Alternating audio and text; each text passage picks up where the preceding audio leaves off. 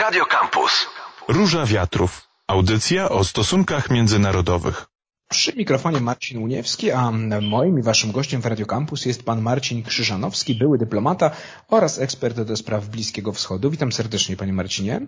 Dzień dobry panu, dzień dobry państwu. Na świecie znów głośno zrobiło się o Jemenie. Wojna domowa w tym kraju wciąż trwa, ale media już tak nie zajmowały, no aż do a to z powodu izraelskiej operacji. Panie Marcinie, przepraszam, przerwę na chwilkę. Y, jakiś taki mam, e, jak to nazwać, y, jakby ktoś sapał do mikrofonu taki dźwięk. Hmm. To być może ja mam przytkany nos, to zaraz ustawię się inaczej. Momencik. Troszeczkę, bo tak niestety... Tak, tak. Mam nowe słuchawki też, to może dlatego. Czy teraz dobrze? Teraz w porządku, tak. Dobra. To ja zacznę jeszcze, jeszcze raz. Przy mikrofonie Marcin Uniewski, a moim i waszym gościem e, w Radio Campus jest pan Marcin Krzyżanowski, były dyplomata oraz ekspert do spraw Bliskiego Wschodu. Witam serdecznie panie Marcinie. Dzień dobry panu, dzień dobry państwu. Na świecie znów głośno zrobiło się o Jemenie. Wojna domowa w tym kraju wciąż trwa, no ale media już się nią nie zajmowały, albo nie tak często, aż do teraz. Z powodu izraelskiej operacji w strefie gazy ruch Hutich, czyli polityczno-wojskowe ugrupowanie bliskie Iranowi, zaczęło atakować z Jemenu właśnie przepływające przez Morze Czerwone i Zatokę Adeńską statki. Od listopada ostrzelali z rakiet już 26 jednostek, w tym amerykański niszczyciel, choć tutaj rakieta miała zostać przejęta i zestrzelona. Ostatni, chyba taka najświeższa informacja to jest grecki kontenerowiec. Został zaatakowany przez ruch Huti. W odpowiedzi Stany Zjednoczone i Wielka Brytania wysłały okręty i samoloty przeciwko Hutim. Zaczął się ostrzał z morza i z e, powietrza e, ich pozycji. O tym wszystkim za chwilkę powiemy. Na razie, panie Marcinie, przypomnijmy yy, krótko, czym jest ruch Hutich, kim są Hutich i co w Jemenie robią, skąd wojna domowa tak naprawdę. Krótko, tylko bym prosił, bo oczywiście to jest temat na, na parę audycji. O, oczywiście. Bardzo uproszczając, ruch Hutich to plemienno-religijny ruch zlokalizowany w Jemenie e, północnym. Huti są szyitami, ale są, e, w, są szyitami zajdytami, e, którzy, którzy są trzecią, taką najmniejszym, najmniejszym odłamem szyizmu.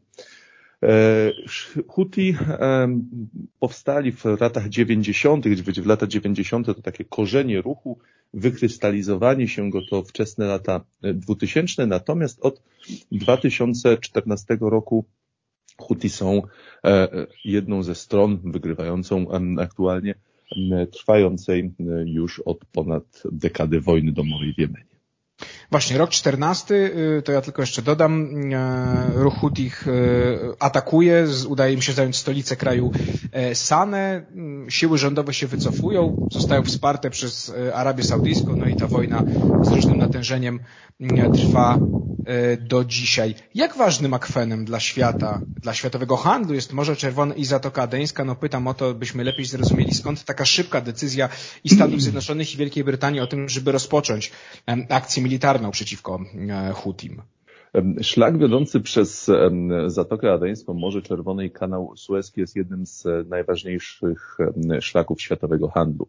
Tamtędy wiedzie najkrótsza droga z portów Chin, Wietnamu, Japonii, Korei do Europy do portów na Adriatyku, do portów w południowej Francji, czy też e, portów idąc dalej w południowej, w północnej Europie z Hamburgiem e, i Gdańskiem włącznie. E, według różnych danych przez Morze Czerwone przechodzi od 14 do nawet 18% handlu światowego. Dla nas kwestia szlaku handlowego przez Morze Czerwone jest szczególnie ważna, ponieważ tamtędy płyną, a przynajmniej jak do tej pory pływały, bo dostałem informację o zakłóceniach w tym, w tym temacie, e, pływały gazowce z e, Kataru właśnie do, do Polski. Jeśli szlak przez Morze Czerwone nie będzie drożny, Katarczycy będą musieli wysyłać swoje statki naokoło Afryki, co, co podniesie koszty frachtu. Powiedzmy y, jeszcze pokrótce, bez super szczegółów militarnych czy wojskowych, ale właśnie jak, jak, wygląda ta reakcja Stanów Zjednoczonych, Wielkiej Brytanii, e, rozumiem właśnie ostrzał z morza i z powietrza, no o, o żadnych operacjach lądowych nie, nie ma mowy, chociaż e, pojawiły się informacje ostatnio, że Amerykanie e, zajęli statek, który miał przywozić broń z Iranu właśnie dla, dla partyzantów, dla rebeliantów Houthi. Zgadza się, a to wciąż nie byłaby technicznie rzecz biorąc operacja lądowa. No tak, oczywiście. Więc właśnie, ta operacja, rozumiem, jest ograniczona, prawda, żeby jak najmniejszym e, kosztem, no co tu dużo mówić. Zdecydowanie tak. Tutaj warto, warto jeszcze raz podkreślić, że Houthi od, e, od ponad dekady toczą wojnę. Houthi byli bombardowani przez wiele lat przez lotnictwo Arabii Saudyjskiej, Zjednoczonych Emiratów Arabskich, wyposażone w najnowocześniejszy zachodni, amerykański, francuski i tak dalej sprzęt. I to nie pomogło. Obecna operacja, tak jak Pan powiedział, jest operacją lądową obliczoną na powstrzymanie Hutich, na danie im jakiejś nauczki, na zmniejszenie ich potencjału do przeprowadzenia ataków, ale nikt nie łudzi się, że Hutich w ten sposób uda się pokonać, zwłaszcza, że ten e, zmasowany atak przeprowadzony kilka dni temu, na który złożył się, e, złożył się, złożyło się wystrzelenie, e, wystrzelenie, zrzucenie ponad 90 pocisków i bomb, E, był zogniskowany wokół 16, e, 16 celów, e, które były wyrzutniami rakiet, magazynami tychże rakiet, stacjami radarowymi i temu podobnymi, i temu podobnymi instalacjami wojskowymi. Natomiast co nieoficjalnie przyznają, przyznają Amerykanie i Brytyjczycy, ich rozpoznanie wywiadowcze w Jemenie jest bardzo słabe. W związku z tym są zmuszeni polegać niemal w całości na wywiadzie satelitarnym, co znacząco utrudnia celowanie, tak krótko i dosadnie mówiąc. Wszystko to sprawia, że e, prowadzona, prowadzona pod egidą Stanów Zjednoczonych operacja, jak do tej pory, chociaż to jeszcze za wcześnie by wyrokować, e, nie przynosi oczekiwanych rezultatów i szczerze powiem, nie spodziewam się, żeby amerykańska kampania w znaczący sposób zmitygowała Hutich. No szczególnie to ja tylko dodam, że eksperci wskazują, że no, arsenał pocisków, dronów także, e, różnych rakiet różnego zasięgu e, Houthi mają mm, e, bardzo duży. No i tak jak pan powiedział, no, Amerykanom trudno byłoby w taki sposób zniszczyć mm, zdolności Houthi do, do atakowania statków. Tu kropkę stawiamy, za chwilkę wrócimy do rozmowy, no między innymi o tym, Huti zapowiadają, mm, że będą atakowali statki, dopóki Izrael, no właśnie, nie przerwie operacji przeciwko Hamasowi, nie wycofa się ze strefy gazy. I teraz pytanie do Pana, Panie Marcinie, mm, no na ile ta inicjatywa, biorę to w cudzysłów oczywiście, wynika z tego, że Iran polecił ruchowi Houthi takie działania. Iran, który dodajmy, no, wpływa na sytuację na Bliskim Wschodzie właśnie za pomocą takich różnych ugrupowań, czy proxy, jak to się ładnie nazywa po, po, po angielsku, czy w Iraku, czy w Syrii, czy właśnie w Jemenie. No, a, a na ile ta inicjatywa, to działanie jest pomysłem samych Houthich? No bo media mają taką skłonność twierdzenia właśnie, że jak się coś gdzieś dzieje w regionie Bliskiego Wschodu, jakieś szyickie bojówki coś robią, no to na pewno za tym stoi Iran, bo Iran kazał. Pytanie, czy tu Iran kazał, czy to jest y, y, y, gra samych Hutich? Um, bardzo, znaczy, bardzo, na ile bardzo, możemy wiedzieć oczywiście, no bo... Na tyle, na ile można, e, mhm. można przypuszczać, jest to, e, jest to raczej inicjatywa e, samych Hutich, aczkolwiek doskonale zbieżna z celami Teheranu. Tutaj warto, warto jeszcze raz wspomnieć o tym, czym Pan powiedział. Przywykło się, że gdziekolwiek właśnie jacyś szyickie bojówki coś robią, to media od razu oskarżają o to Iran. No, Iran istotnie ma ogromne wpływy na Bliskim Wschodzie. Iran e, kontroluje Irak, e, praktycznie uzależnił od siebie Syrię, w Libanie ma bardzo dużo do powiedzenia, ale jednak no, nie jest takim e, regionalnym hegemonem, na jakiego kreują go media. Huti są ruchem niezależnym od Iranu. Owszem, Iran bardzo mocno ich wspiera. Bez irańskiego wsparcia Huti no, mogliby, e, mogliby nie wygrać e, wojny domowej. Natomiast Huti, jeszcze raz powtórzę, są ugrupowaniem niezależnym, które działa w sojuszu z Teheranem, gdyż, tak jak wspomniałem, mają zbieżne, zbieżne cele, czyli osłabianie, osłabianie obecności amerykańskiej na Bliskim Wschodzie, i zwalczanie Izraela. Zresztą Huti, e, co warto podkreślić, na swoim sztandarze mają wypisane bardzo wyraźnie trzy hasła. Śmierć Ameryce, śmierć Izraelowi i e, śmierć Żydom. Więc do atakowania celów związanych z Izraelem Huti w Teheran specjalnie zachęcać, e, zachęcać nie musiał. Na ile sytuacja, proszę powiedzieć, może eskalować? No pytam o to, bo po amerykańskich ostrzałach jeden z mm, liderów ruchu Hutich zapowiedział, że Amerykanie pożałują tych działań, a tutaj cytat, Jemen jest przygotowany, by wejść w pełnowymiarową wojnę z wielkim szatanem, czyli Stanami Zjednoczonymi, czytaj, w obronie Palestyny.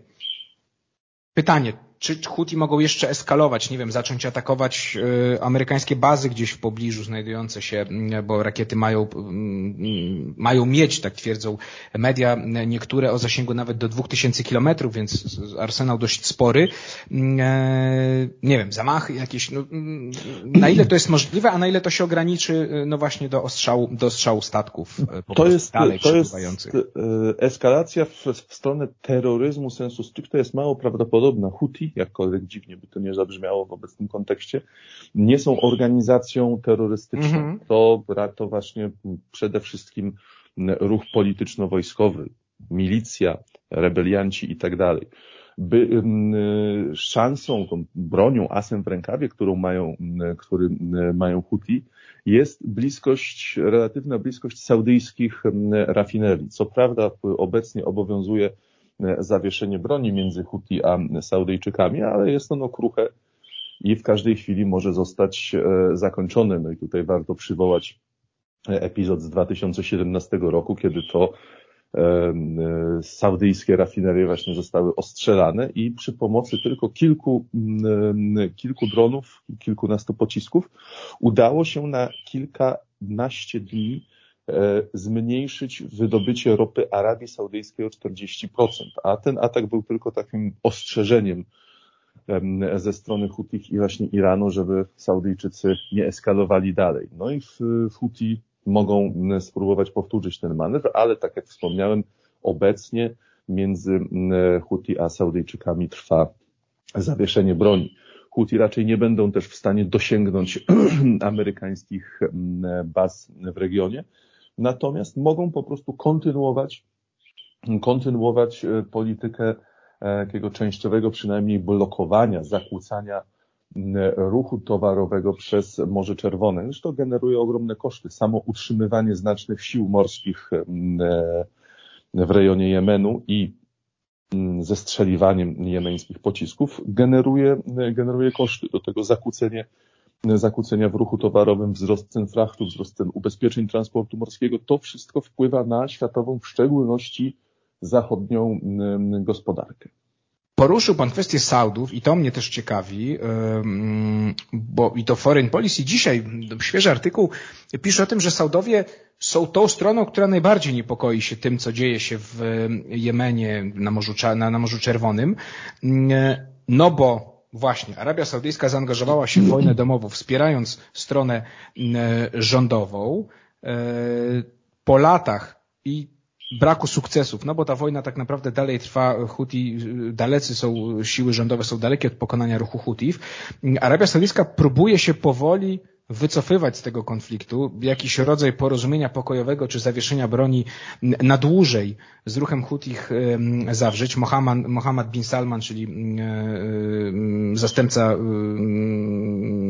czy książę koronny Arabii Saudyjskiej, następny w kolejce do, do tronu, no już nie chce, żeby miliony traciła Arabia Saudyjska na ten konflikt. No i teraz właśnie, jaka jest pozycja Saudów, proszę powiedzieć, czy, czy tutaj te faktycznie saudyjskie obawy, że jeśli Saudowie, nie wiem, zbyt ochoczo poprą Amerykanów albo jakoś się zaangażują w, w, w tą sprawę, no to może się posypać ta próba zbudowania pokoju, no i sprawa na nowo się rozpali i znowu będą ostrzały właśnie rafinerii chociażby saudyjskich.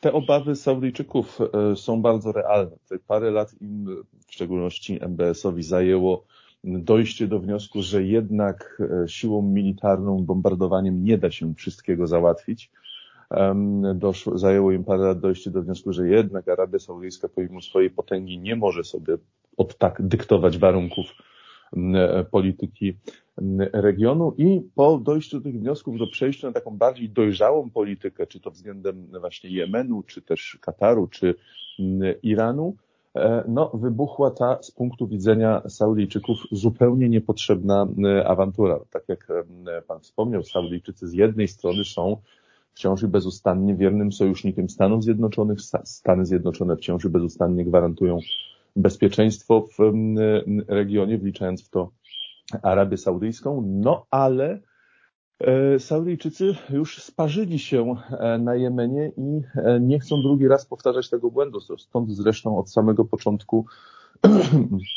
słyszalne z, z Riyadu głosy tamtejszej dyplomacji, wprost lub w zaawalowany sposób ostrzegające Amerykanów, że w ten sposób brną E, w ślepą uliczkę. No ale z drugiej strony trzeba, e, trzeba też przyznać, że sami Huti są nieprzejednani w e, tej kwestii i tak naprawdę ciężko nie tyle wypracować jakieś polityczne rozwiązanie, co ciężko w ogóle opracować koncepcję takowego. No a na pewno nie pomaga ta sytuacja obecnie. Panie Marcinie, to ja na zakończenie zapytam Pana jako eksperta.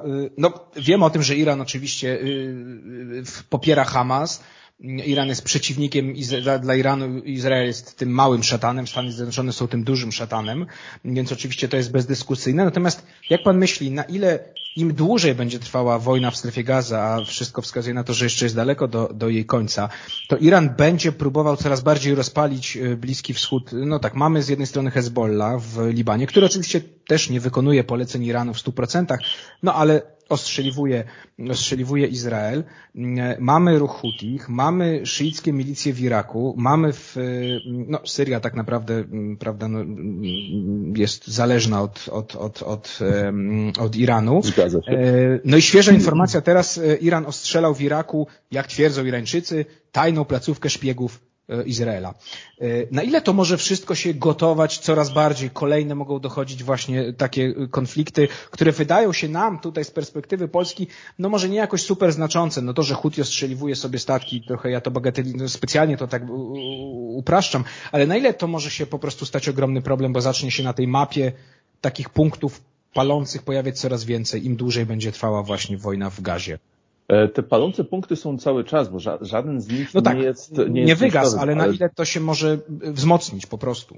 Niestety, e, niestety może się wzmocnić. Z jednej strony, z jednej strony wszystkie, e, wszystkie strony tego konfliktu, wszyscy aktorzy państwowi, ściślej mówiąc, z Iranem, co może trochę zaskakiwać, włącznie, starają się utrzymywać ten konflikt pod kontrolą. Nawet z punktu widzenia Iranu, otwarta wojna jest, jest niekorzystna, mhm. gdyż niesie ze sobą za dużo zniszczeń w ogólności oraz mogłaby się zakończyć również e, atakami na e, terytorium Iranu, co dla rządu w Teheranie jest no, raczej kiepską, kiepską alternatywą. Z punktu widzenia Iranu najkorzystniejsze jest właśnie takie powolne gotowanie, utrzymywanie całego regionu w, blisko punktu wrzenia, tak, żeby można było drenować zasoby Amerykanów oraz e, otoczyć Izrael takim pierścieniem ognia, jak to metaforycznie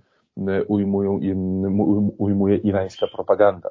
Tak, żeby z jednej strony rozszerzać po cichutku, oczywiście w miarę dyskretnie, te wpływy Iranu, budować cały czas symultanicznie jego siłę militarną i zdolności obronne, oraz, oraz tak jak wspomniałem, no, podkopywać, podkopywać amerykańskie, amerykańską obecność w tym regionie. Otwarta wojna zniweczyłaby te wszystkie zakulisowe machinacje Teheranu i w, no, w, przy, w sytuacji, kiedy ktoś rzuca karty na stół i mówi sprawdzam, e, irańskie siły zbrojne mogłyby się okazać niewystarczające do właściwej obrony terytorium irańskiego. Stąd też właśnie Iran przyjął e, koncepcję e, takiego pełzającej ofensywy oraz załatwia, oraz angażowania się w konflikty w sposób pośredni.